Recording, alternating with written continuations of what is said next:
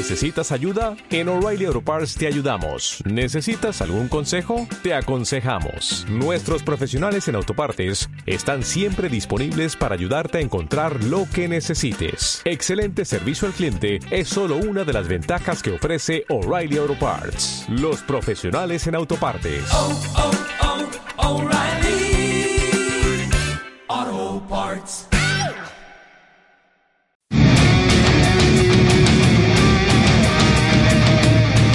¿Esperando tu dosis de fantástico y terror? Amigo, creo que te falta un tornillo.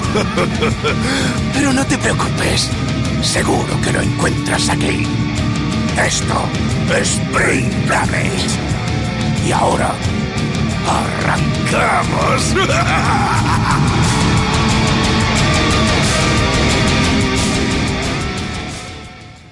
Hoy tenemos el gusto y privilegio de contar con nosotros con Sergio Colmenar. Aquellos que no conozcan a Sergio, se define como un autodidacta que estudió en varias escuelas de cine de Barcelona. Es el director de los laureados, de los cortometrajes laureados Sabrina de 2011, protagonizado por Jordi Vilches, y Gente Cerca de 2013 con Iciar Castro de protagonista, ahora recientemente nominada a los Goya por la película Pieles.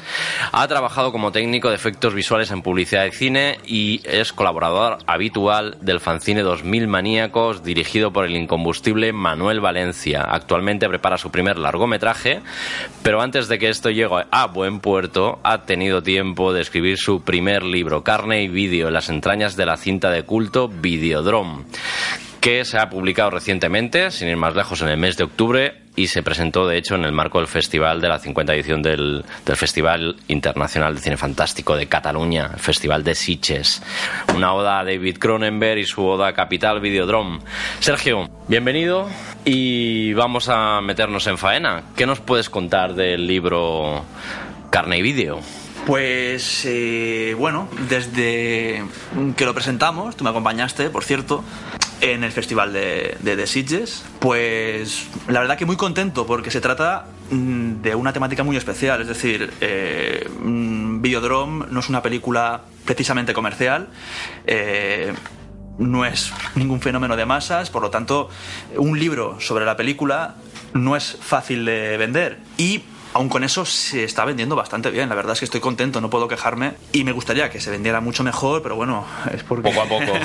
¿Qué es, lo, ¿qué es lo que te hizo decidirte por, por David Cronenberg y en particular por Videodrome? Porque vamos a explicar que no es un libro al uso sobre David Cronenberg, ya hay mucha bibliografía por ahí que, está centrada solo en, David Cronenberg, sino que para que nuestros oyentes pues se pongan un poco en, en contexto, es un libro de 132 páginas que está dedicado especialmente a Videodrome. Se divide en, dos partes. En una primera en la que habla de toda la, filmografía de Cronenberg, pero siempre hilvanando y enlazando con, con Videodrome. el, vínculo con Videodrome con respecto de las otras películas de Cronenberg es, es, total, tiene que ser así.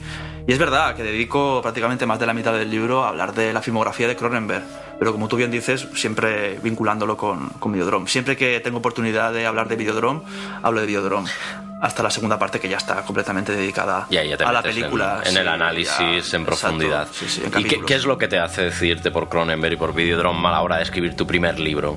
Bueno, aparte de que es uno de mis directores favoritos, mmm, sabía que Videodrome también es una de mis pelis favoritas. Sabía que era el material perfecto para explayarme a gusto sobre la película. Yo pensaba en una película de la que pudiera hablar largo y tendido sin repetirme ni una sola vez, o sea, de una manera, vamos, eh, muy, muy, muy extensa. De hecho, se, podrían escribir varios libros sobre la misma película. Eh, cosa que no ocurre con otras que, también me, fascinan, me gustan muchísimo, pero que son mucho más eh, limitadas en, su discurso.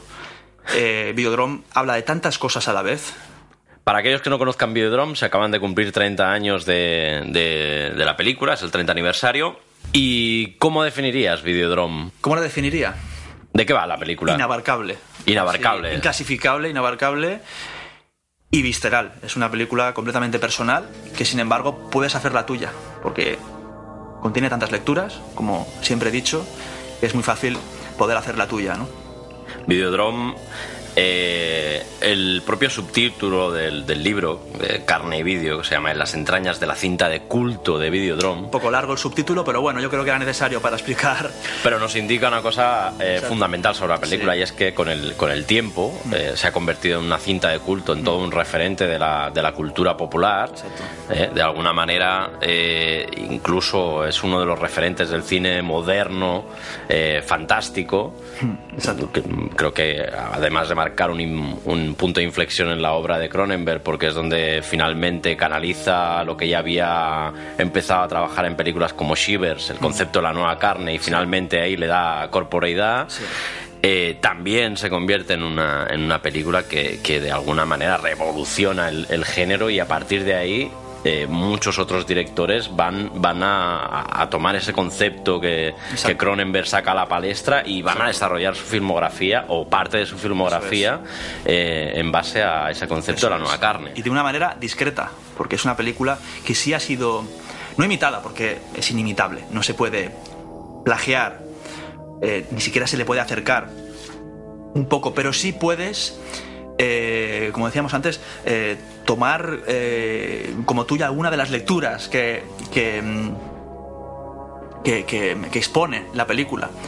No sé, si es más lejos, hay un director, Donald Camel, director famoso, bipolar, eh, que murió bastante jovencito, se suicidó, se suicidó y se grabó a sí mismo mientras se suicidaba, que es también muy videodrome, por otro lado. Eh, hizo una película también de culto que se llamaba Engendro Mecánico, que es cojonuda y es una de las películas eh, eh, de nueva carne, explícita, sin ser de Cronenberg, lo cual es bastante difícil. Eh, lo han hecho muy poca gente, como por ejemplo Shinya Tsukamoto con sus Tetsuos, que también podemos hablar de películas eh, de nueva carne. Y tienen inspiración en Cronenberg. Todos estos directores reconocen la, la- influencia en, en Cronenberg. Sin embargo, fíjate que nadie se ha atrevido a imitar Videodrome. Es decir, si hay otras películas que tienen eh, cierta relación en cuanto a temática, pero no, no en, en, en todo lo que, en todo lo que representa la película a nivel filosófico, es muy difícil, a no ser que seas Cronenberg, claro. Bueno, sería, sería atrevido y, incluso un sinsentido que alguien Exacto. intentara hacer un videodrome Es que es muy- porque, es- porque has dicho tú una cosa clave ahora, ¿no? Es, es eh, al final es parte de la filosofía de lo, de, Sí. de- de lo, de lo que es Cronenberg. Claro, si sí. no eres Cronenberg, hacer Exacto. videodrome no tiene ni, ni pies ni cabeza. Si queremos ¿no? ver Videodrome de manera superficial, podemos hacerlo y ver una película eh, pues muy interesante también, porque te habla un poco de corporativismo, hay una sátira de Claro, fondo. más media. social, exacto, muy social, la televisión, pues eso, eh, todo este mm, este envoltorio ¿no? de, de- los programas eh, televisivos y el cinismo ¿no? con los que se lleva con el que se lleva a cabo, ¿no? La falta de ética. Exacto, eh, sí. También habla de fascismo. O sea, Sí, también. hay que, hay que ver, hay que ver, eh, mm, porque es una película que, que está muy, muy, muy adelantada a, a su tiempo, ¿no? Eh, Sí, de hecho, era- en, su, era en su- y- momento no tuvo mucho, mucho éxito la película. No, nada, nada, o sea, no tuvo- Pasó fue un- fue un sin pena ni gloria. Fue un fracaso como las grandes películas de culto, Mm.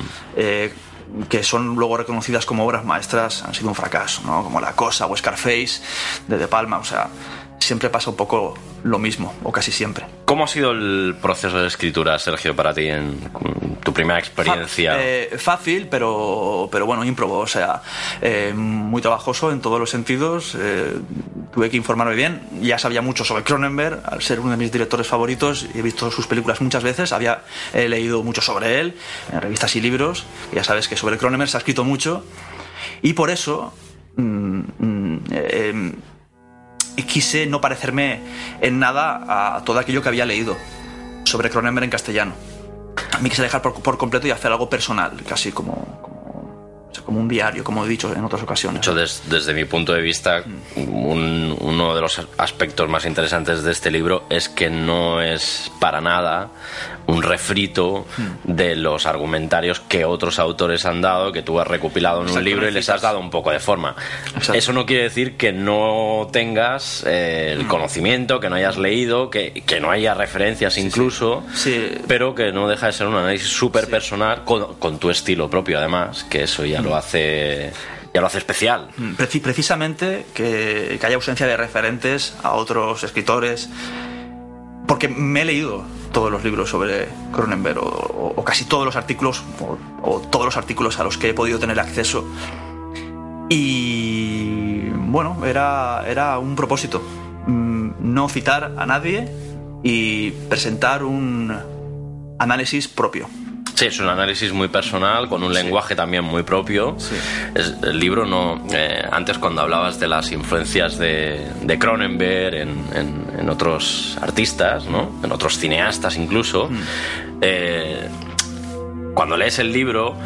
mm, Uno tiene la sensación de que, de, de que realmente Cronenberg ha influido en ti en muchos aspectos y, y- y el libro tiene un poco de, de ese espíritu videodrome también, ¿no? En la manera en la, Sí. en la que, en la que lo abarcas, el, el texto, y y incluso iría un poco más allá, viendo tus cortometrajes, mm, aunque no son nueva carne No, no, en no un sentido estricto, Sí. sí que tienen algo de, de la manera en la que Cronenberg enfrenta la sortidez Sí. o, o lo, lo oscuro y demás, ¿no? Que ahí en Sabrina y en, y en Gente Cerca, sobre Sí. todo, creo, está como muy patente, ¿no? Sí, eso está bien que lo veáis los demás, ¿no? Porque a lo mejor, yo a lo mejor no me doy cuenta. Eh, y eso está guay, ¿no? Que yo a lo mejor manejo una serie de referentes en los pocos cortos que he hecho y no me doy cuenta, porque son a lo mejor eh, son influencias inconscientes. Y es lo bueno a la hora de, de- de estar influido, ¿no? Sí, De desde estar luego. influido antes que sentirse influido. Eh, Eso te da la libertad de hacer lo que tú quieres con tus referentes Sí, sí, sin sí. estar condicionado realmente. Exacto, tú haces algo personal, sin embargo, salpicado de, de- de muchas cosas que a Mm. ti te han, te han, eh, no sé, te han ayudado a crecer, ¿no? Culturalmente. Al final, algo que también, ya que estábamos hablando del estilo del libro, el libro tiene una narrativa muy fluida y es y además al, al- al mismo tiempo eh, que es riguroso y que es un análisis personal, también es un texto divertido porque está trufado Mm. también de, de- de- de pequeñas opiniones con mala leche, bueno, con mala leche, con, Mm. Sí, con- su, con su sentido del humor particular, un poco Mm. oscurito. Sí, así un poco como, como soy yo, ¿no? Como me gusta. Y a veces, a veces ser. es deslenguado también, sin Sí, que realmente el texto eh, está muy bien estructurado, está muy bien escrito, es serio, Mm. Sí, es el- formal, es eh, reflexivo. eh, eh, la, la idea era esa, la idea era esa, que, que- que por encima de todo fuera un análisis eh, completamente serio y que no tomara el pelo a nadie. Es decir, a mí lo que me importa a la hora de escribir, en un libro o en la red, da igual, eh, es ser lo menos ingenuo posible. Es no tomar por tonto a nadie y respetar la inteligencia de, de- de cualquier, de cualquier tipo de lector. Y por eso para mí es fundamental no solo documentarme, sino, apor- sino aportar algo realmente interesante a nivel eh, moral, social, filosófico o lo que tú quieras. Aunque suene un poco, un poco repipi, lo que estoy diciendo es la verdad. no, es, Es la verdad. Y aparte la ironía y todo lo demás no es una cosa que busque, sino es una cosa que simplemente eh, me surge. Y yo creo que es un buen acompañamiento ¿no? del rigor, la ironía. En según qué casos, hay cosas, eh, bueno, que a lo mejor no, no, no procede bromear y tal, pero, pero bueno, en este caso, al hablar de cine... Bueno, da, pie también en algunos Sí, momentos sí. cuando, cuando estás tocando, to- tocando según qué temas, Según ¿no? qué temas, de exacto. hecho, eh, ojeando el, el índice, uno puede ver muestras un poco de, de- de esto al, al ver los títulos, como por ejemplo La increíble historia de los parásitos sociables y la polla vampiro que declaró la ley marcial. o otros del tipo eh, Homofilia en Pekín, Motores y cicatrices sexuales, realidad virtual, hecha carne, locura misma. Son títulos atípicos, no son, no son los típicos títulos que diría, pues no sé, Madame Butterfly, eh, Crash. No, va un poco más allá y, y creo que el, el propio índice ya es una, una cierta declaración de intenciones, ¿no? Sí, porque a mí el rollo este de polla vampiro a mí es un término que me gusta mucho, ¿no? O sea, Además es realmente... sí, es así, es que- polla vampiro en el sobaco, en rabia. Durante el proceso de escritura has descubierto algo nuevo de Videodrome, porque al final Videodrome, es, tú lo has dicho, tiene muchísimas lecturas y capas y, y parece que cada vez que uno ve la película descubre algo nuevo, ¿no? Y aquí, eh, como has tenido que hacer un proceso de doc- redocumentación, revisión de la película, ¿has, has aprendido nuevas cosas de Videodrome? Sí, sí, joder, eh, inevitable. inevitable ponerse en serio a ver Videodrome muchas veces para poder hablar de ella, de todo lo que, lo que ella representa y todo lo que te dice. Así que sí, sí, sí. Eh, no solo aprendí más cosas sobre Videodrome o le vi muchas más capas de, lectura, sino que me gustaba más a medida que iba viéndola. Y bueno, eso me ayudó muchísimo a la hora de, de desarrollar el libro y hacerlo lo, lo, más extenso posible. Y lo más extenso posible son esta serie de páginas, que aunque sea un libro corto, es más que suficiente para una película. Porque no olvidemos que es un libro sobre una película ayudado por el resto de la filmografía del director, ¿no? Bueno, unas cuantas pelis. Sí, eso te iba a decir, o sea, realmente es un libro corto entre comillas. Primero porque tiene mucho texto, Sí. aunque, aunque está ilustrado a color. eh, Sí, pero prevalece el texto, ¿verdad? pero prevalece el texto, las, las fotos son, pues bueno, un apoyo puntual. Y, y aunque la segunda parte, que es la que se centra en Videodrome, parezca que es más corta, al final la totalidad del libro está hablando de Videodrome. Sí, totalmente. Con lo Sí, cual, dedicarle 132 páginas a Videodrome, pues no bien está ya. nada mal, ¿no? Yo, creo que está más que bien. Yo creo que más ya correría, correría el riesgo de ser un poco farragoso, ¿no? Y esa es mi última intención. No, yo creo que el libro tiene su, su punto justo de equilibrio para tener una lectura interesante, aprender cosas de la peli, Sí, yo creo que sí. adentrarse de pasada también en, en el cine de Cronenberg y, ¿por qué no? Pues tener una, una visión de conjunto a, Sí. a raíz de eso, de Videodrome, que al final ha trufado todas sus, sus películas. Exacto, yo creo que es muy importante hacer un, un- un- un extracto de, de toda su filmografía, un extracto bastante, bastante largo, eh, porque es fundamental para entender luego Videodrome. Porque Videodrome es un poco eh, todo lo que es eh, todo lo que es, eh, es Cronenberg, ¿verdad? Aunque luego haya cambiado mucho. Ahí quería, quería entrar ahora tú. ¿Cómo, ¿Cómo ves la evolución del cineasta? Porque es un, es un director que empezó prácticamente, bueno, prácticamente no, haciendo serie B, películas de, de presupuesto muy, muy escaso y, y con unas características formales muy determinadas en las que lo explícito pues tenía una presencia importante, en la que las tripas incluso y la Sí. casquería aparecía con frecuencia, Sí, sí, sí. A, a un, digamos que se ha ido al otro extremo, Sí, ¿no? ha- En el se que ha vuelto sofisticado, más autoral. Muy, so- muy sofisticado. Siempre ha sido autoral, la verdad. pero siempre ha sido autoral, yo también Sofisticado lo creo. no, pero autoral sí. Sí. Y bueno, yo creo que la respuesta es que ha sido coherente. Siempre. Siempre lo ha sido. Y con respecto a la sofisticación de sus últimas películas, yo creo que eso se traduce en madurez. Y bueno, a mí me encanta todo ¿Qué lo te, que hace. qué te parece eso que dicen algunos por ahí de que, de que Cronenberg ha traicionado su estilo y demás? Bueno, porque esa es la típica opinión pedestre que se tiene muchas veces con respecto a género, con respecto a ciertos cineastas que van cambiando. eh, bueno, mm, mientras no te vendas, yo creo que está bien cambiar, ¿verdad? Y, Sí, ¿no? y experimentar. Es como cuando haces música y de Exacto. repente cambias de un álbum a otro de estilo Exacto, y te dicen que, que te has vendido, que has cambiado, sí, que ya no molas sí. porque ya no haces lo mismo, no Claro, vas a hacer todos- siempre lo mismo, ¿no? Exacto, todos los gustos son respetables, cada uno le gusta lo que le gusta, eh, pero no te puedes meter eh, con, por ejemplo, Cronenberg por haber cambiado un poco el estilo, porque simplemente lo ha mutado, es decir, no lo ha cambiado, siempre Ay, está ay, hablando ay. de lo mismo, es Mira, decir, el discurso... Me, eh, me encanta sigue- lo que dices porque eh, está muy acorde con él, Sí. ¿no? Ha mutado. Sí, sí, o sea, realmente no es que haya hecho otro cine, ha hecho un, un cambio de los suyos, ¿no? Sí, Se ha convertido sí, en, sí. Si te das cuenta, en, en Inseparables por ejemplo. hay escenas que están completamente calcadas de Videodrome. El final, sin ir más lejos, es exactamente el mismo. Eh, no hay ninguna diferencia, incluso en su significado, también es el mismo. Y bueno, es un... Incluso si vamos más adelante, ¿no? Ya donde realmente se hace más patente el cambio con promesas del este Sí.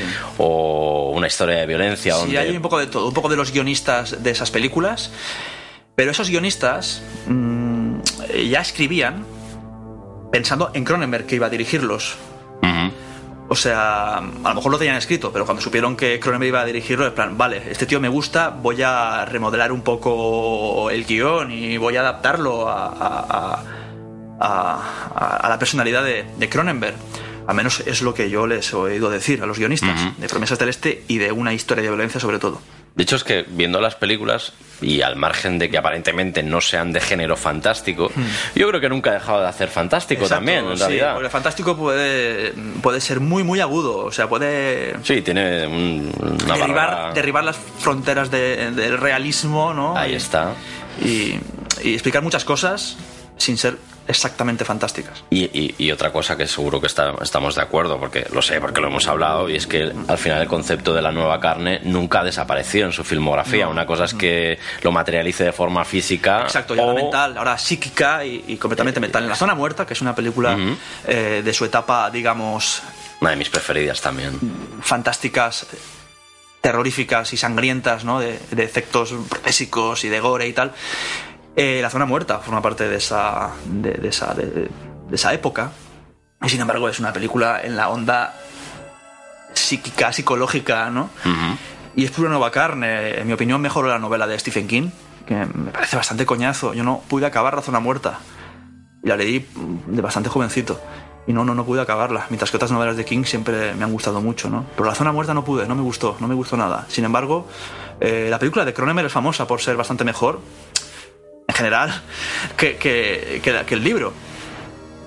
Y ahí ya había, ya había mucho de lo que eh, luego significaría inseparables.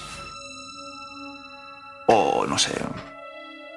Y- y- U otras, el más re- recientes, como, que sé, Mapa de las Estrellas, por ejemplo. Una historia de violencia. Es, es- O Crash, sin ir más lejos, ya películas que eran muy, muy explícitas, sobre todo por lo que contaban y no por lo que mostraban.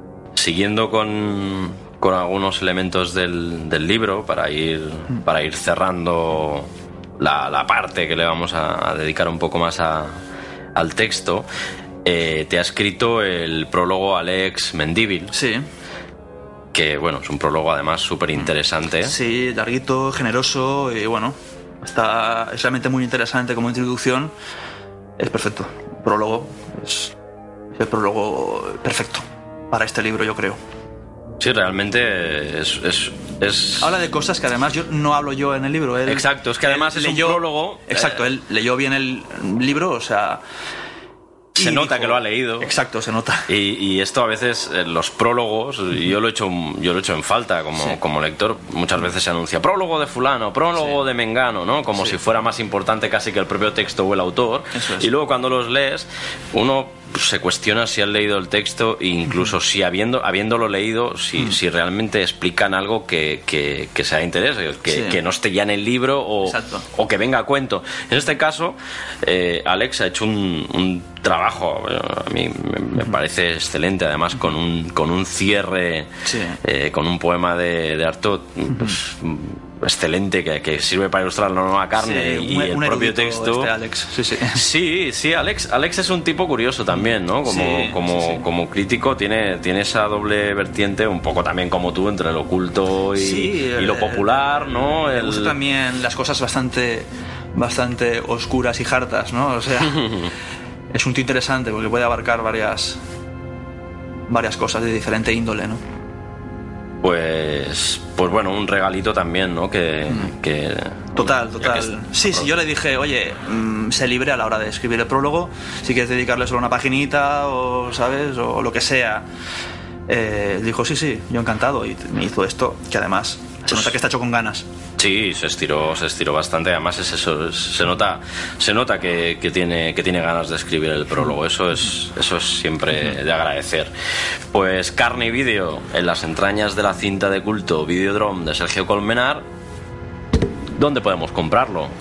Pues por email se puede comprar para quien quiere, para quien no viva en Barcelona y no lo pueda comprar en, en librerías, porque se puede comprar en, en las librerías de Barcelona eh, Frix, en Gigamés.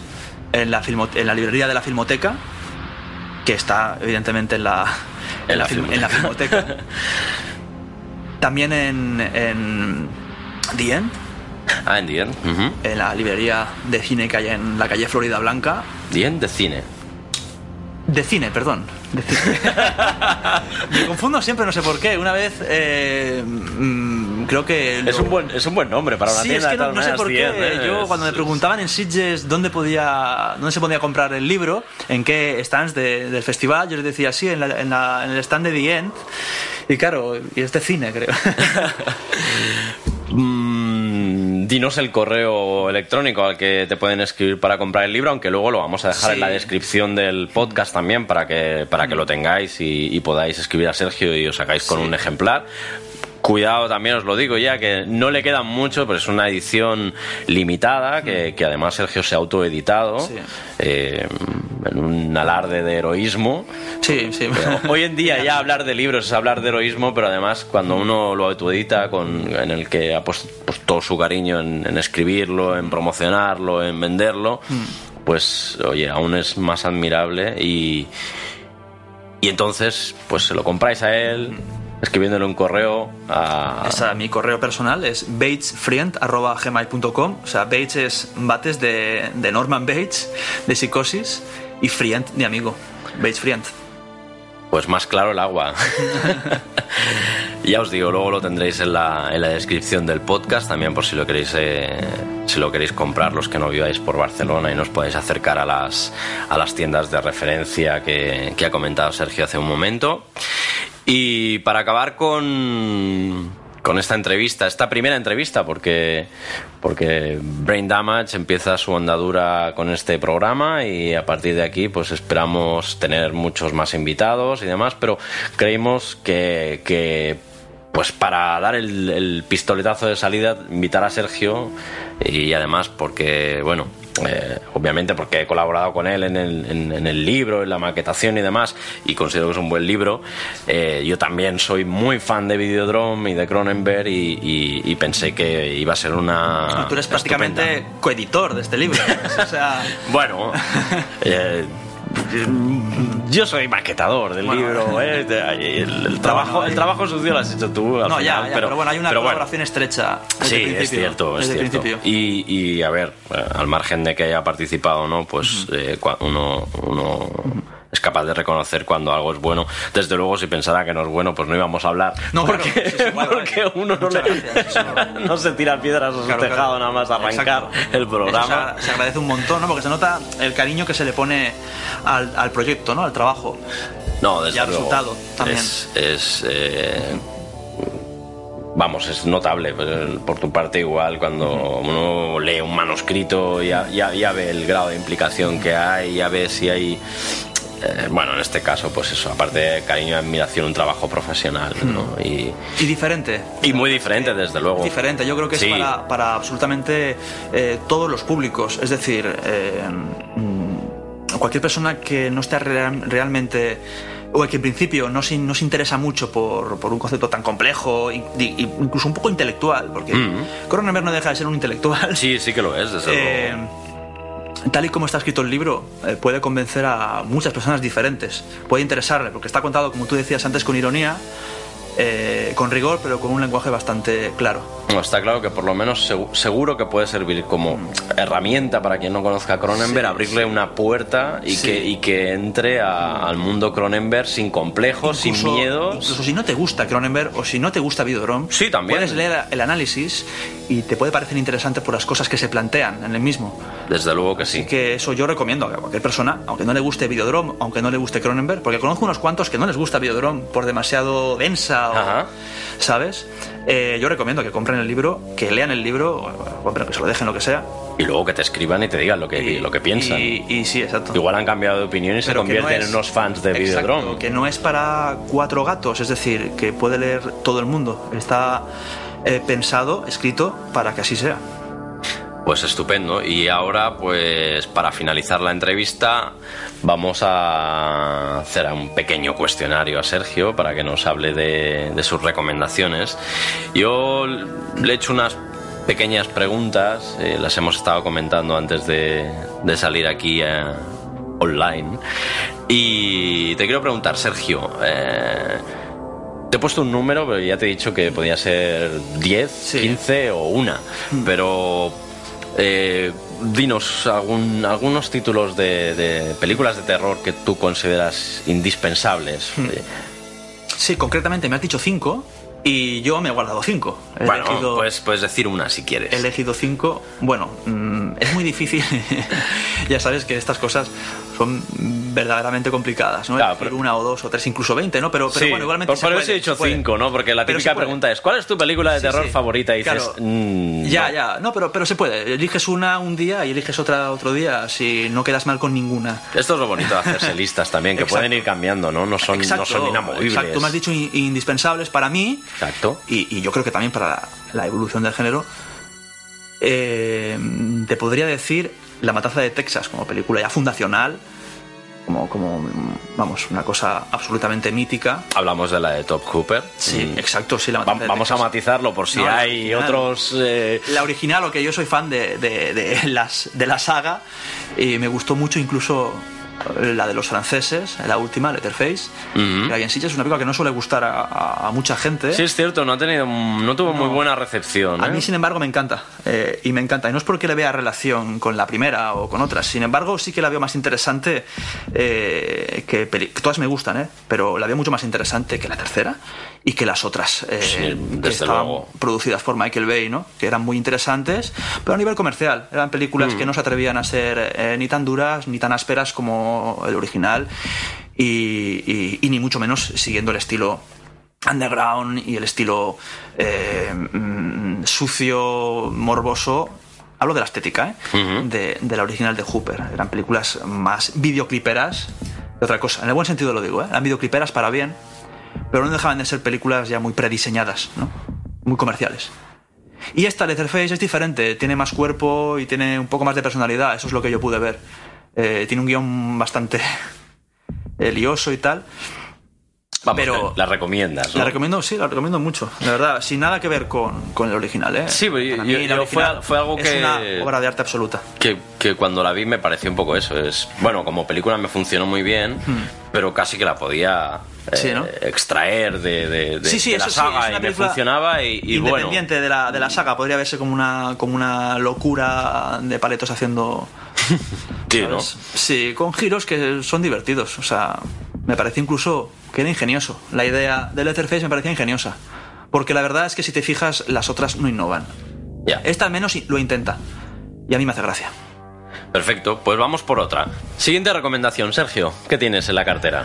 De películas, ¿no? Sí, sí, de películas. eh, en fin, otra que me gusta especialmente, que me sorprendió muchísimo cuando la vi en su. Bueno, en su día no, mentira. Cuando la vi con 14, 15 años, creo que tenía cuando la vi por, por primera vez. La alquilé de un videoclub en VHS. Es The Zamburiet, eh, Muertos y Enterrados. Que, que, bueno, que es otra absolutamente maravillosa. Gary Sherman, Sí, Gary Sherman. peliculón. eh, Ronald Suisset, o como se pronuncie, que venía de, de Alien y tal. Y, y bueno, es una maravilla, es una película con un guion absolutamente original, innovador, rompedor. Me parece fundamental, ¿no? Y es curioso, con Muertos Enterrados, cuando se estrenó El Sexto Sentido de Samalayan, eh, eh, todo el mundo se sorprendió mucho con el final de, de- del Sexto Sentido, ¿no? Es decir, wow, típico final de culo torcido, de este director y tal. Eh, qué sorpresa, wow, está muerto. Eh, es que eso ya lo habíamos visto. Ya lo habíamos visto. Y, y bueno, y no digo más. Sí, sí, no, no. ya lo habíamos visto y bueno, ya sabes en qué películas lo habíamos visto. ¿Qué más tienes por ahí? Eh, otra que yo creo que también es muy, muy, muy importante para, para entender, no es exactamente... No es terror canónico, pero sí es terror en esencia. Es el fotógrafo del pánico de Michael Powell, Oh, que es otra, Pepito. eh, otra gran obra maestra y que ya se adelantó a la moda de psycho killers brutales, morbosas, al estilo Henry, ¿verdad? O sea, eh, Sí, una realmente muy era una película muy dura y perturbadora, sórdida. Era ¿eh? una para, película para la época. Muy, muy, muy perturbadora. Una película completamente sórdida. Y, y bueno, y aterradora. Una maravilla de Michael Powell que, como, bueno, es un maestro del cine, ¿no? O sea, ha curtido mil Sin batallas duda. y capaz de hacer cualquier tipo de género, como demuestra con el fotógrafo del pánico. Y me parece una película perfecta para recomendar y yo creo que es muy importante en la Sí, evolución incluso del género, sobre todo del cine de psicópatas así, más dramático. Ujú. El fotógrafo es fundamental.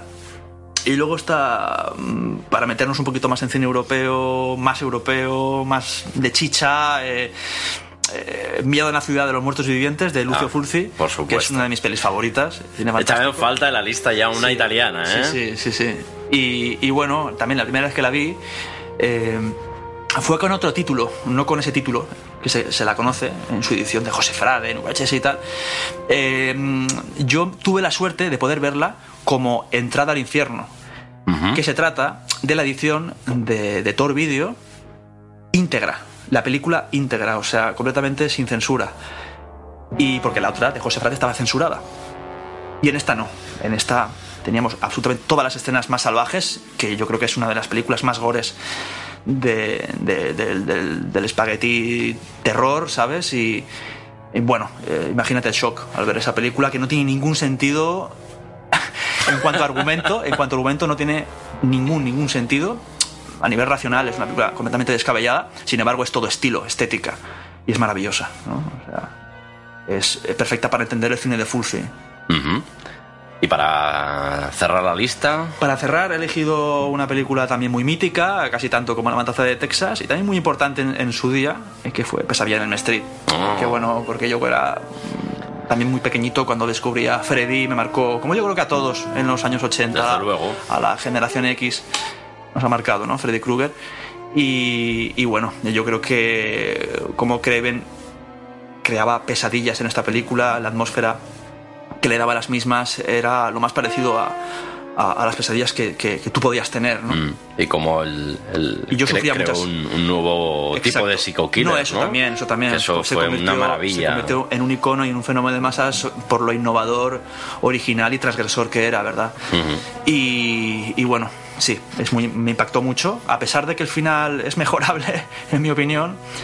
Es el problema de las películas de Craven, que yo creo que era un gran director, pero sin embargo no ha- terminaba de, de, de relacionarse bien con los finales, ¿verdad?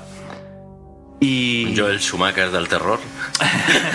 Igual un poco Sí, exagerado, ¿no? La comparativa. No, pero, pero bueno, pero bueno, sí, eh, no acaba del todo. Sus películas no las terminaba del todo bien, pero bueno, yo creo que tiene obras maestras y entre ellas está Pesadilla en el Street. ¿no? Ah, desde luego.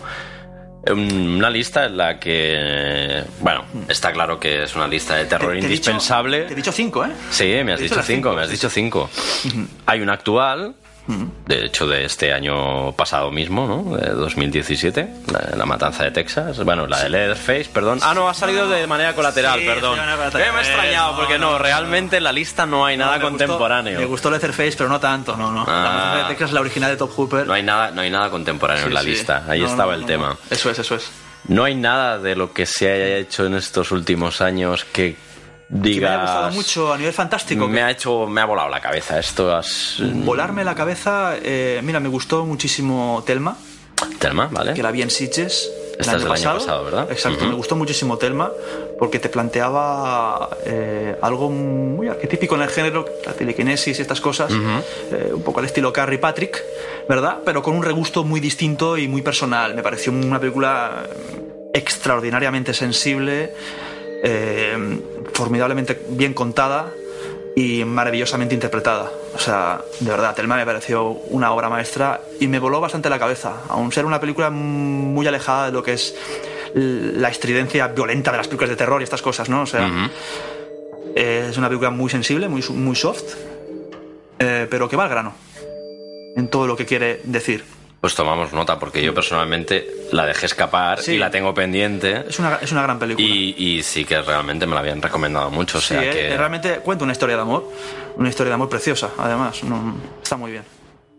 Pues vamos a por más cositas. Eh, ¿Qué arquetipo, qué personaje dirías que es tu preferido dentro del, del género de terror o de fantástico? No tiene por qué ser de terror, sí. Bueno, yo creo, yo te, te diría una tendencia que a mí me, me- me- fascina, eh, la del cine de terror satánico de los años 70. Ujú. Eh, me fascina mucho películas como El legado, ¿no? De, Ah. de Richard Marquand, se llamaba, no sé cómo se pronuncia el apellido, es del director del Retorno del Jedi, sin ir más lejos. Ujú. Y es una gran película de terror de los años 70, protagonizada por eh, Catherine Ross, eh, que es eh, la protagonista de, otra gran película del mismo estilo, de los años 70, que era The Steve Four Wives aquí tuvo varios títulos, ¿no? Creo que se llamó Las Mujeres Perfectas o Adoptar una Esposa o, o algo así. Y, y- y bueno, es- ese tipo de cine con Diablo de por medio mm, era maravilloso. Películas como, como El Vals de Mephisto, que, que realmente no se, aquí se- no se llamó así, se llamó Satan Mon Amour. Eran películas, eran thrillers muy originales. Ujú. Aunaban drama, terror, fantástico, con guiones cojonudos, súper ingeniosos.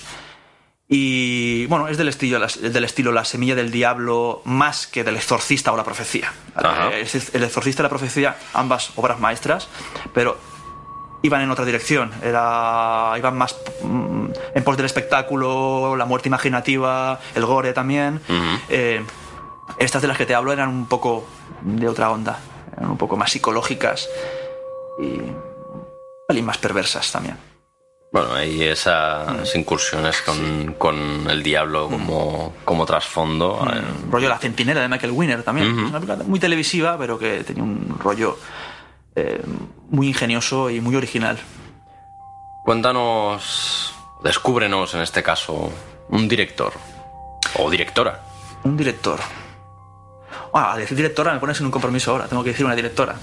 Bueno, no, no. Eh, bueno, eh, Yo porque he usado el, el- Sí, el- bueno, a mí directora te diré, mira, el género neutro y al mira, final es no, es director o directora. Pues te voy a decir dos, no, para, quedar bien con, con todo el mundo. Eh, y porque también me gusta. eh, me gustan mucho en ambos casos. Eh, el director te diría Pete Walker, que es un director inglés de cine de terror de los años eh, 60, 70. Eh, que bueno, ha hecho películas como, como, como Terror sin habla, se llamó aquí en España, Frimer, en versión original, que es una de las primeras películas gore europeas eh, más salvajes y tremendas, ¿no? Que se hizo. Muy, muy, muy recomendable Pete Walker. Eh, es un tío que pasó de la, de la comedia, de la comedieta sexy, ¿sabes? De, de vedetes y tal, a- a- al puro horror. O sea, es brutal. Es un tío que es capaz de, de lo más eh, sugerente a lo más explícito. Muy interesante, Pete Walker. Pues ya sabéis, Pete Walker, muy buena pinta para. Mm. Y directora, bueno, a mí me gusta mucho una directora que está de moda, es verdad, que es, es, es Catherine Bigelow. Sí. Que a mí, me, a mí me encanta, me encanta Catherine Bigelow. Todo lo que, lo que hace me, No, tiene una trayectoria ya muy larga de sí, todas larguísima, maneras. me flipa. Es capaz de dirigir eh, tan bien o mejor que un hombre. O sea, es, es perfecta. Estos mitos de eh, mujeres que dirigen eh, peor que los hombres. Que es verdad, lo dicen, pero sobre todo porque Sí, a claro, mujeres... son, son opiniones de hombres normalmente. Sí, exacto. que So- intentan proteger no, su coto. de- Exacto, porque sobre, sobre todo por, por, por, por, por razones obvias, sociales, lógicas, Ah. eh, no se les ha dado eh, la, la, la, la- la oportunidad que, que, que merecían, ¿no? Y Catherine Bigelow ha, ha demostrado que ella, si le das la oportunidad, te puede hacer películas infinitamente mejor que, que- que ciertos hombres con, O sea, con cierta tam- reputación, ¿no? También ha tocado el, el género Todo, fantástico. todo. Ha hecho una de las mejores- Político. Exacto, ha hecho una de las mejores películas de terror de la historia de cine, en mi opinión. A la vez western, a la vez película de acción, que es Los Viajeros de la Los Noche, de la Noche. Is Dark, que es una absoluta maravilla, ¿no? muy influenciada por el cine de Peckinpah y esto, pero bueno, es una tía capaz de tener voz propia. Ha hecho cine- películas de acción y ciencia ficción maravillosas. Ahí están La llaman Body o ahí están Días Extraños, obras maestras ambas. También y las de las últimas mm, me gustó mucho Detroit, que es la última que ha hecho. Y me flipa, me parece también una, una maravilla. Pues genial. Por suerte, por fortuna, esto que comentabas tú ha ido cambiando con el tiempo y cada Sí. vez tenemos más directoras que también. Que eh, merece se mucho la pena. a- Hay directoras cojonudas. A meterse en el género, ¿eh? Porque Sí, fuera de género sí que quizás hay más. Tampoco es Sí. que sea una locura. No, no, no, sí, sí, pero. Siempre el. el- el- Sí, es un, es un falso mito. Es un falso mito lo de que, No, no, que realmente luego. no se les da bien eh, la técnica o la disciplina de la dirección. Es completamente falso. No, es como muchas- decir que no son buenas escritoras o que no son Exacto. buenos médicos o que no son buenas directivas o políticas. Es que es- exacto. Final todo es una. es la típica, historia, ¿no? es la Pero- típica eh, eh, estupidez que se suele decir, pero bueno, Ah. hay grandísimas directores. Yo recuerdo una que es que ha hecho una de mis películas favoritas de- del mundo. Eh, Lynn Fanuc se llama, ¿cómo se llamaba esta confundido ahora. Es que ahora no recuerdo bien el, el nombre. Hizo Eh, con, un título de. con Robert Patrick y Jennifer Jason Leigh que hacían de, de policías eh, infiltrados bandas de narcotráfico y se volvían yonkis. Ah, Y- ostras, sí. eh, ya, ya, ya te diré cómo. Ostras. Sé qué película quieres decir y, y- y ahora no. Sí, es que yo la conozco con los dos títulos, eh, el, el original y el español, y me hago un lío. Puede ser Rush.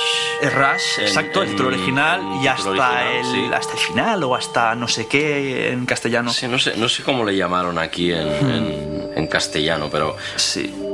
Pero bueno, El final o algo así. Me estoy equivocando seguro, pero algo, algo así es. bueno, si la buscáis por Rush y, Sí. y con, con los referentes de los actores, la Sí. Jennifer Jason Leigh. Jason Leigh y tal, la encontraréis. Además, una película súper recomendable. Y no es Robert Patrick, perdón, estoy confundiendo mogollón. Es. eh, joder, ¿cómo se llama este actor? El. eh, el prota de Jóvenes Ocultos. Que ahora mismo no recuerdo su nombre. Eh, espérate, que vamos a, vamos a montarla aquí buena, rápida. Yo, con mis alardes de buena memoria. Sí, sí, sí. Bueno, a mí, evidentemente, hay. Joder, es- se está nos el disco escapar, duro ahí trabajando, cric, cric, cric, pero está, se nos pueden en escapar bucle. un montón de, de nombres de actores. Y Sí, no, no, desde luego que sí. Estaba, es que está- estaba dándole vueltas a esto de, de, de Rush, de cómo se llamó aquí, y, y hostia, es que no, no, no me viene a la cabeza para nada. Y ahora voy a, voy a utilizar el, el- el sistema, el sistema clásico ya de la, de la era moderna, que es mirarlo en, mirarlo en, en IMDB o donde sea, ¿no? Porque si no, no voy a poder seguir con el programa. Sí, tú pones Rush, Jennifer Jason Leigh. Sí. De todas maneras, eh, para no quedarnos en esto, ahora cuando lo, lo tengamos os lo decimos. Sí, lo- los, el director y la directora ya han sido recomendados. ¿Qué peli para, para descubrir nos traes? ¿Qué peli para descubrir? Sí. Wow, esta no, no me la tiene preparada. ¿eh? Esta no te la tenías preparada, No, pues no, genial. esto acabo de Eh, descubrirlo ahora, esta pregunta. ¿eh? está- ahí está, ahí está la, la- la putada y la gracia de, Sí, de las sí, preguntas sí, sí, sorpresa. Eh, No una película a descubrir, pues te diré una. Pues era Jason Patrick, ¿eh? Jason Patrick. Sí, sí, sí, era Jason casi, Patrick. casi. He dicho Robert Patrick. Sí, casi, pero casi. es- era, yo, yo te había entendido Jason Patrick. ¿eh? Ah, no, en, he en mi dicho cabeza, Robert. en mi cabeza sonaba He Jason dicho- he Patrick. dicho- he dicho Robert. Porque además le recuerdo con esa barba y ese pelo ahí y tal. de- exacto, de sí. en la movida de, de- de infiltrados ahí con las Sí. drogas y tal. Exacto. Pues bueno, es una película crudísima. Sí, sí, es Eh, Rush, es una crudísima. peli del 91. Sí, sí. Y además la dirige una mujer. Una mujer joven. Sí, En aquel entonces. Lily Zanuck. Sí, sí, exacto. Bueno, no, no, no nos hayamos equivocado tanto. Hayamos No, por lo estaba menos. por ahí, iba la cosa. Habíamos, Lo que eh, por lo el, menos nombre, el- el nombre fácil no es. Para no, no, no. para Bueno, por lo menos he dicho los ¿eh? apellidos de los dos bien. Sí. pues me- si quieres. Y película a descubrir, mira, yo tengo. mm, siempre he reivindicado mm, un par de slashers que me han hecho mucha gracia. Pero esta vez voy con otra película. eh, Venga. Italiana, ¿vale? Que se llama Madhouse. Vale, sí. Y que es de. Ovidio Sontis, el, el- el director de Piraña 2, ¿vale? Cuando abandonó James Cameron la dirección en esa película, eh, la acabó él. Y sorprendentemente es un tío que ha hecho un cine muy de derribo, ¿no? Un cine muy de explotación comercial. Sin embargo, con Madhouse hizo una película completamente original. Una película brutal. ¿Cómo, cómo, cómo has- es que no la tengo yo localizada? O, o creo, que, o gemelas, creo que es una. y- con gemelas, eh, perros asesinos. Eh, es un puro guialo. Es un puro guialo absolutamente demencial que funciona. Funciona maravillosamente. Eh, nunca dirías quién es el asesino. Y tiene un final muy, muy, pero que muy sorprendente. Y atmosféricamente funciona de maravilla. Eh, está rodado en un cinemascope eh, propio de los grandes maestros Ujú. del género. Y cuando te hablo de grandes maestros, puedo estar hablándote de Dario Argento, Lucio Fulci a la hora de utilizar este formato. Estupendo, Madhouse pues. es una película que no desmerece en absoluto de, las grandes películas del género. Se llamó así aquí en, en España, Se llamó ¿recuerdas? Madhouse, sí. Madhouse. Perfecto, pues tomamos ahí nota de Madhouse. Vamos a hacer los deberes. Años Y- 80. ¿Qué una más? película italiana que quiere ser americana. Y, Una- bueno, y eso, es maravilloso. eso les pasaba Cuando bien, es maravilloso. Les pasaba a menudo esa, Sí. esa intención ahí para internacionalizar el en producto. este caso, en mi opinión, es el mejor ejemplo de película italiana que quiere ser muy internacional. Y que lo consigue. Y que lo consigue, sí. A menos en mi opinión. Eso sí, es inconfundiblemente italiana. Bueno, eso no tiene por qué ser un, sí, sí, es maravilloso. Eso es lo bueno. Eso es lo bueno. ¿Algún libro que, que tengas en mente que tú recurras a él o que, o te que- parezca indispensable? no Sí, sé? un libro que a mí me gusta mucho, eh, que suelo, suelo recurrir a él, es, es, eh, El cine de terror, una introducción de Carlos Losilla. Ah, por supuesto. Creo Comparto. Que, sí, que, que- además eh, narra la evolución del género hasta los años 90, concretamente hasta el silencio de los corderos, Exacto. Y lo hace de una manera tan, eh, tan eh, brillante y lúcida que no envejece jamás el texto. No, para no dice nada. cosas ¿eh? absolutamente típicas, no, no. Es el libro, creo que lo publicaron en el. El año me dices, Pues, 90 y- De hecho, por ahí en el 90 y algo, 93. Después de, después de poco después del silencio de los Sí. corderos. Y que yo lo descubrí en aquel, en aquel entonces también. Eh, eh, estaba en mis primeros años Es de universidad. es- es- para, mí, para mí es indispensable. Eh, tal y como mm, te analiza, te, te discute el significado de una película tan fundamental como, como La Mujer Pantera de Turno. Ujú. Eh, Es maravilloso porque yo comparto su lectura, ¿no? O sea, la mujer pantera ya sabes, ¿no? Se suele decir la prota, mujer, pues asesina, porque es una frígida o es tal, y él dice, no, es una sobreexcitación, es eh, una pasión desbordante la que, lo que la mueve, ¿no? Y eso me parece una lectura muy acertada porque yo también lo pienso. Y, y- y bueno, y también es una película que, que siendo fantástica, como Sí. es, es casi más en apariencia, porque realmente no llegamos a saber si ella se imagina que es una pantera o que lo es. Exacto. Y es, eso es lo que le hace tan grande la película, ¿no? Y él lo plantea de una manera maravillosa. eh, Sí, hombre. de hecho, todo el libro es.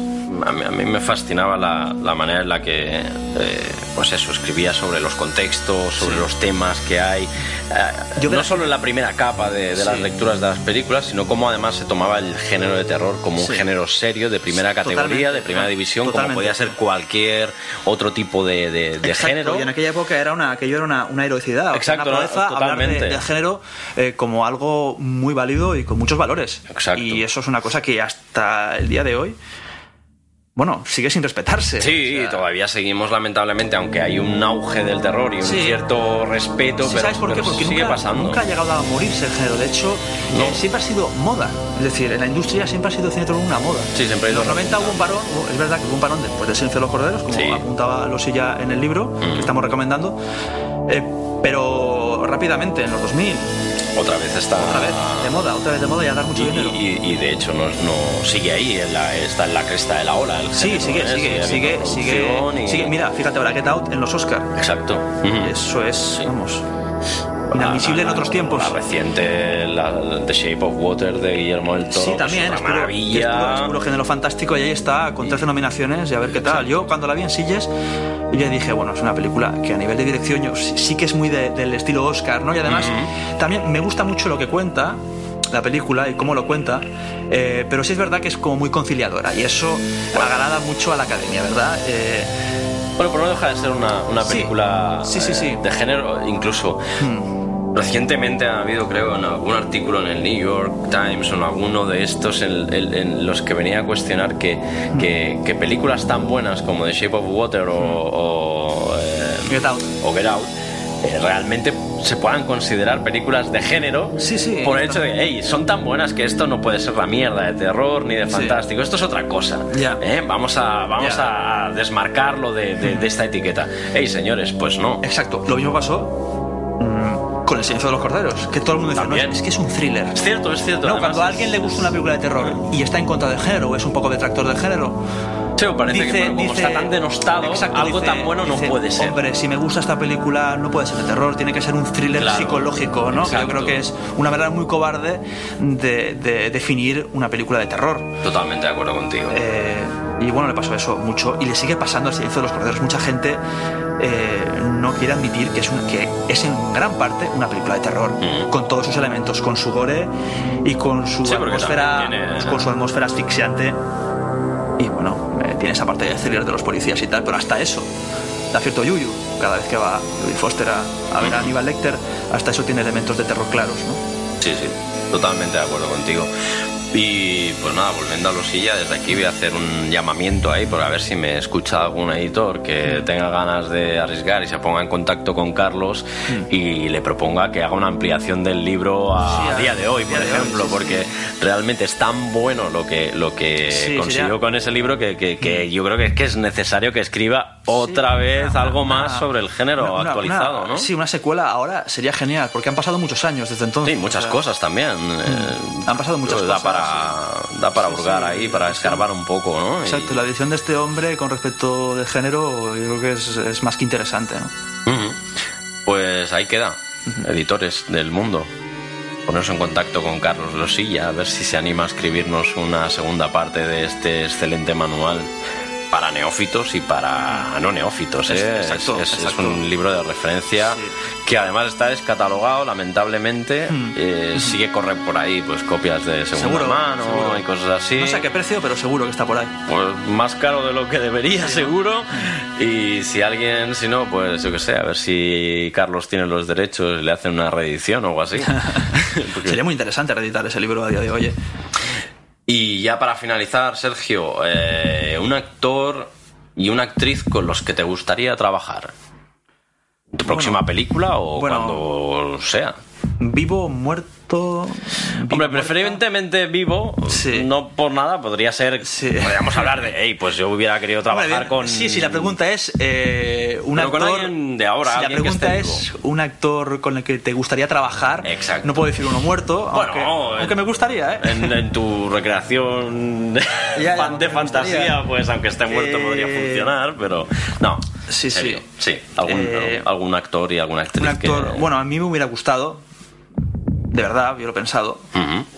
Porque ahora mismo lo que estoy preparando eh, como protagonista, ahora doy unas pequeñas pistas así sin Sí. importancia, es Alfredo Landa. Me hubiera fascinado Ah. trabajar con Alfredo Landa y, y no es que ahora busque un modelo eh, totalmente parecido a él, ¿no? Eh, pero sí, me hubiera gustado, ¿no? con los ojos cerrados.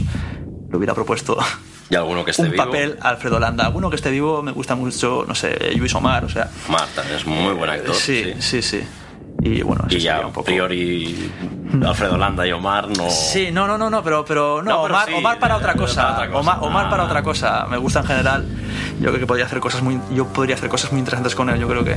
Bueno, tampoco nos va a escuchar Omar y no va a No, pensar ya. que le hemos comparado con Alfredo Landa. No, no, no, no, no, yo a otro- Alfredo Landa es un no, no, a otro- a otro nivel. un gran actor, vaya, Exacto. aunque, aunque también denostado. Sí, sí, sí, sí. sí, pero era capaz de hacer cualquier cosa. Hacía por todo, eso. drama, comedia y, y se desenvolvía. Sí, a mí me gustaba más cuando hacía drama, ¿eh? Sí, a mí Y- también. Igual como. Bueno, es típico que se dice, de los actores que hacían comedia siempre. No, se suele pero- decir, se suele decir lo de, por ejemplo, José Luis López Vázquez, que es otro grandísimo actor. También otro actor de, curtido, de en, primera. eh, curtido en eh, 60.000 batallas. bueno, eh, porque era el cine que había para que tenían que comer y era lo que se hacía. Exacto, ¿no? se hacía mucho de comedia, muy bueno, y otro de drama, mucho de drama que también bordaba. Mm. Y Alfredo Landa hacía lo mismo. Mm, Bordaban los dos duda. géneros, yo creo que eran igual de buenos en, en las dos facetas. Y actriz, bueno, ahora te diré a alguien vivo. Ujú. Eh, actriz, yo me fijé mucho en una actriz eh, joven, en aquel entonces, me llamó muchísimo la atención en, en Salvador Puig Sí. Bea Segura, El- el- que hacía un Ah, pequeño- vea, sí, vea segura, muy bien. hacía un, un pequeño papel en aquella película y, y, claro, a mí me tiran mucho eh, las actrices, los actores dra- dramáticos, ¿no?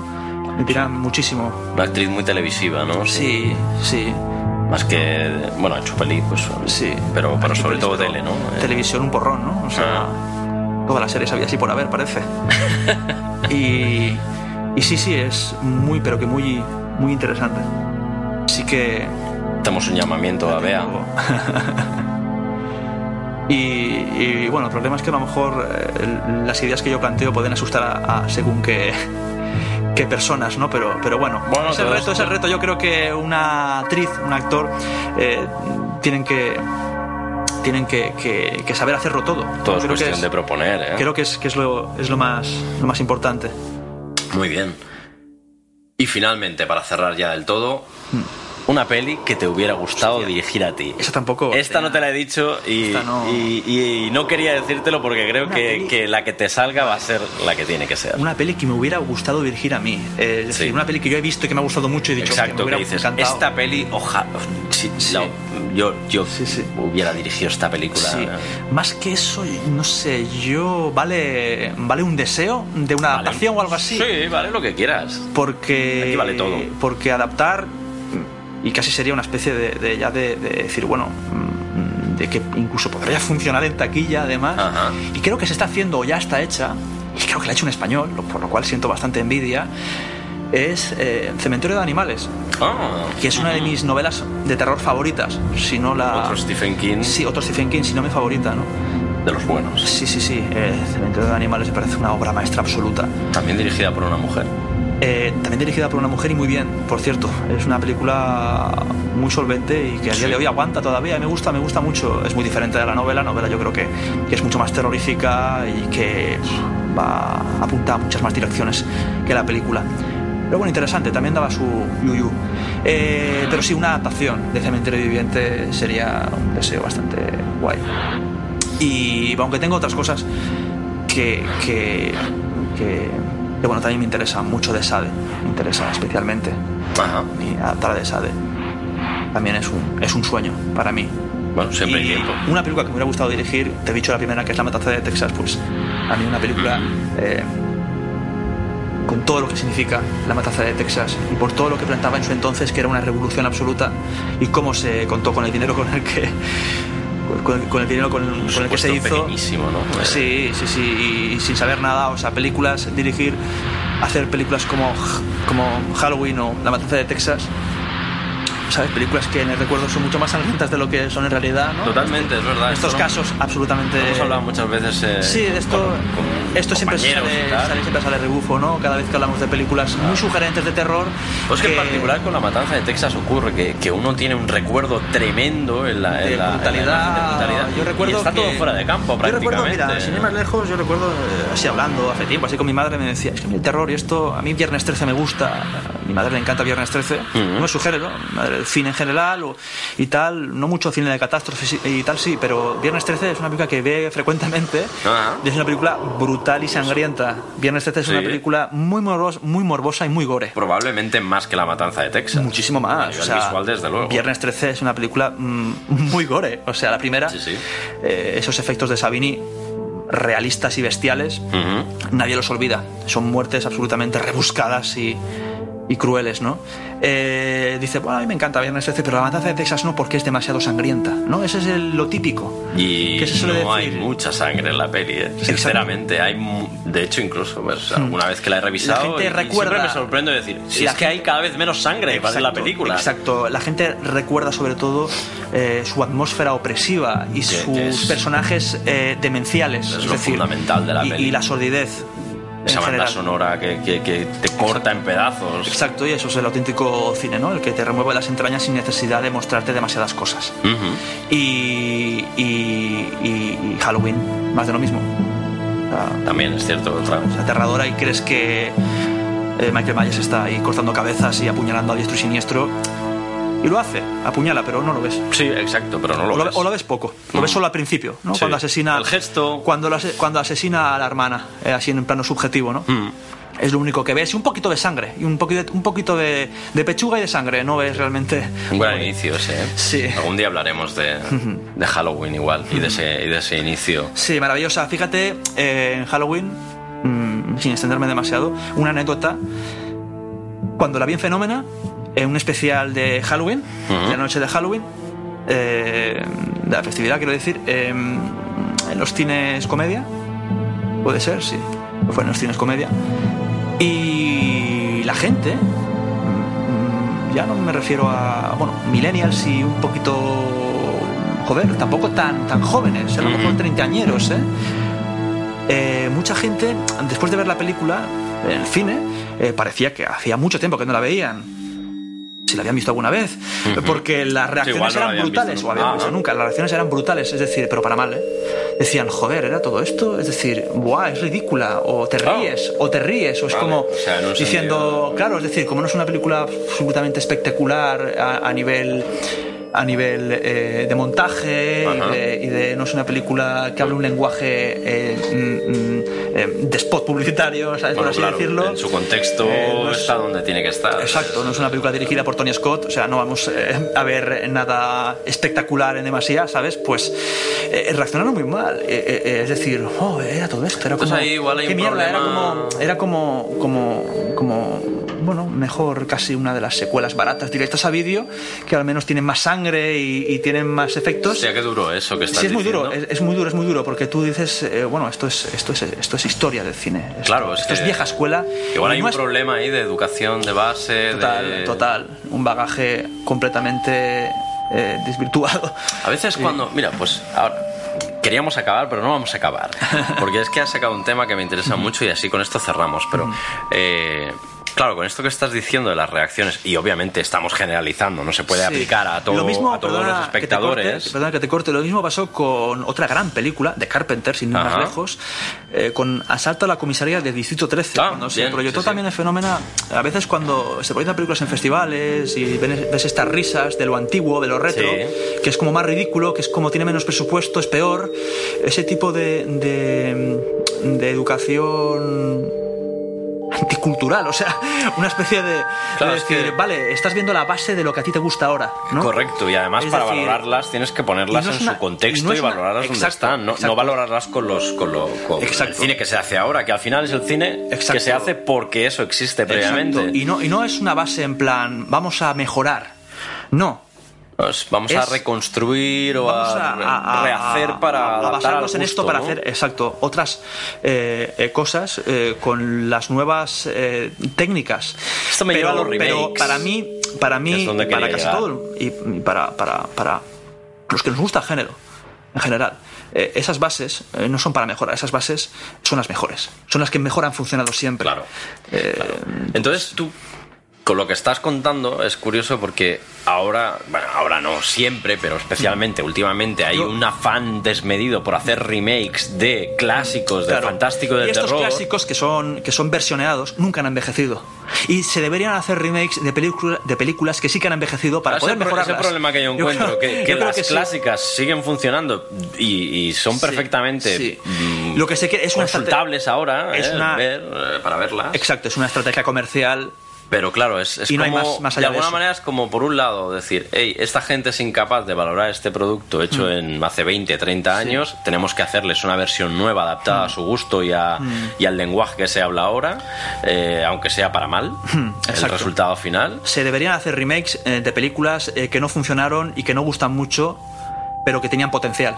Exacto, es que siempre hay muchos defensores del remake por en plan de no, es que esto sirve para educar a nuevas generaciones porque. Sí. si no de otra manera no lo verían, tal, No, tal, tal. no, es que puta mierda es esa, ¿sabes? eso, eso no. Eso- eso es horrible yo decir eso. Yo, creo que eso puede ocurrir en los casos que tú dices, películas que no acaban de funcionar, que no y los, las rehacemos, las mejoramos. Porque la idea era interesante. Exacto, y, y te- aprovechamos lo que tenía de base, ¿no? Exacto. Pero algo que ya está, que ya está bien, que, que, que- que no tiene necesidad de mejorarse y, y hacerlo por un simple cambio de adaptar al lenguaje al, al- al que habla ahora sí. el, el público más joven. Si su única intención, si su única intención es hacer taquilla, de repetir el éxito del original, eh, no le encuentro mucho sentido. Aún así, a yo, a mí me da igual. Es decir, aún así yo creo que toda versión está bien, siempre y cuando se quiera hacer. Luego tú ya ves y dices, vale. Eh, sí, hacer versiones de todo tipo de cosas, vale. Bueno, Pero yo creo que, que, que, bueno, mm, en mi opinión se debería invertir en, en ideas más originales, en cosas nuevas, que no en repeticiones de cosas que, que no, no, no tiene mucho sentido que se repitan. Hacer un remake de Suspiria me parece un poco loco. Ahora bien, hay casos, ya lo sabes, de It, hay- por hay- ejemplo. Bueno, remake de It a mí en, en mi... en- bueno, es una, una adaptación de la novela. el que se ha hecho, vaya, ¿eh? Y sí, y yo creo que la miniserie de Tommy Lee Wallace a mí no me gusta demasiado, me parece aburrida y tal, tiene cosillas que bien y tal, pero bueno, deja de ser un proyecto para televisión, mientras que, que la película del argentino es, es estupenda. A mí It me gusta mucho.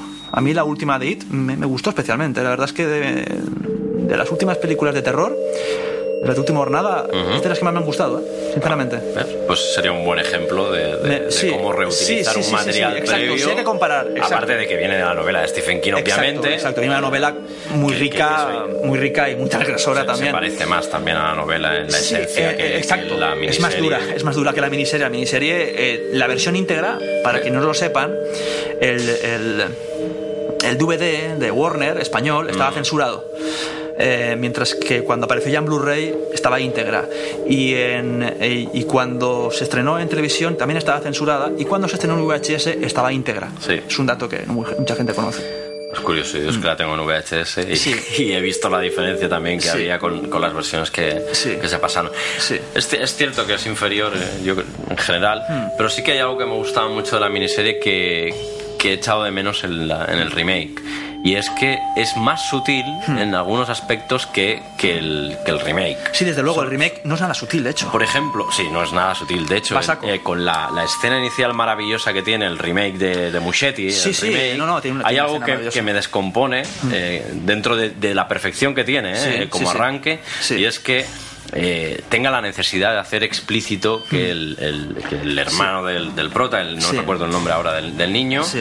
eh, con su chubasquero amarillo en la alcantarilla hablando con Pennywise, eh, tenga que enseñar un charco enorme, enorme de sangre para dejarte claro que ese niño muere. ya ya ya Cuando en, el- en la miniserie eso no ocurre, Claro, también- desaparece sí, y, sí. y te deja como las puertas un poco más Sí, en la abiertas miniserie- a, a lo que pueda, Exacto. a lo que pueda ocurrir. Hemos tenido un accidente aquí en- Sí. con una botella. no en la miniserie lo que ocurre es eso no por, Solo hecho de razones- falta eso, ¿eh? pero sin embargo me parece también lo que tú a dices, veces funciona, a veces dices, oye, no puedes. A veces pasa eso mucho con la censura, es decir. Eh, sabes que estás cohibido y que no puedes hacer lo que te gustaría y te ves obligado a eh, sugerir las cosas y te sale mejor a veces. Y- y- exacto. a veces, en ¿eh? este caso sí que posiblemente No. es por la situación, Sí, pero no, sin embargo en absoluto. creo que hubiera funcionado mucho mejor obviar eso. ya, ya. Y, creo que ese tipo de falta de sutileza que tiene en Sí, general sí. que comentabas está muy orientado también al, al público eh, más joven. Sí, que parece que les tenemos que estar dando también como bueno o, o todo muy mascado Sí. o también todo muy explícito no una cosa así porque si no igual eh, ven Halloween y dicen "Ey, esto esta mierda que ya, no tiene eso, nada eso- eso es un problema ¿qué también. ¿no? eh, Eso es un problema también, exacto. Eh, conocer a gente o, o conocer reacciones eh, que no ven nada en Halloween, la original de. Carpenter. Qué desastre.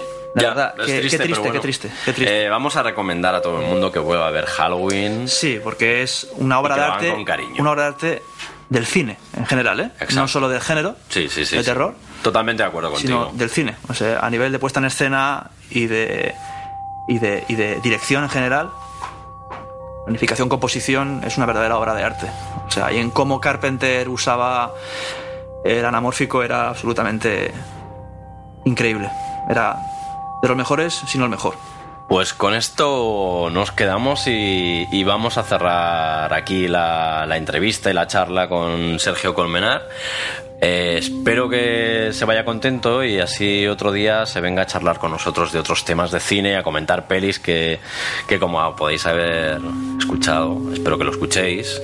eh, vale mucho la pena eh, lo que tiene por explicarnos. Tiene ahí un bagaje heavy metal que, que nos puede descubrir muchas pelis interesantes para ver y, con una opinión sin duda a tener en cuenta también. ¿eh?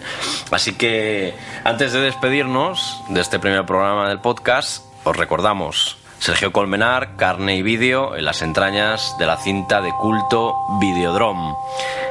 Un libro dedicado a Cronenberg, a su filmografía y en particular a, a Videodrome, como dice su subtítulo, que podéis adquirir en librerías de Barcelona como Frix, Gigamés, la librería de cine o la librería de la Filmoteca de Cataluña. Y si no, pues podéis hacerlo eh, escribiéndole un correo electrónico a Sergio a eh, Bates, Frient. Bates, frient, arroba, gmail.com. gmail.com. Y bueno, decir que son 14 euros y que se mantiene la oferta mm, de envío 14 gratuito. con el envío gratuito. Ah, 14 con el envío gratuito pues- si lo pedís por mail. Y tener en cuenta 132 páginas, un libro a todo color con papel de alto gramaje, un acabado muy bueno. Pues nada, tanto si conocéis a Cronenberg como si no lo conocéis, es una buena oportunidad de, hacerlo si no, si no estáis habituados con él. Pues nada más, hasta aquí el programa número uno de Brain Damage. Espero que lo hayáis pasado bien y repitáis en el próximo Brain Damage. Si os falta un tornillo, igual lo encontráis aquí. Pues muy bien, José. Yo encantado y un honor de, de estrenar este programa. Ser el primer invitado. No, el placer ha sido mío, ya lo sabes. Y, y nada, esperamos que algún día, pues más adelante, te animes si, si quieres participar en, en alguna charla que, que estamos tramando por aquí. Pues estoy tramando juntar a algunos individuos para, para charlar locamente sobre, sobre cine fantástico y de terror. No, yo, yo encantado. A mí, esto, a mí esto me da la vida, así que yo encantado. Pues nada, hasta la próxima Sergio y gracias a todos por escucharnos. Podéis dejar comentarios, eh, acordaros de nuestros familiares si os apetece y si no, pues no lo hagáis, pero nosotros seguiremos dando guerra. Hasta la próxima. Hasta luego, gracias.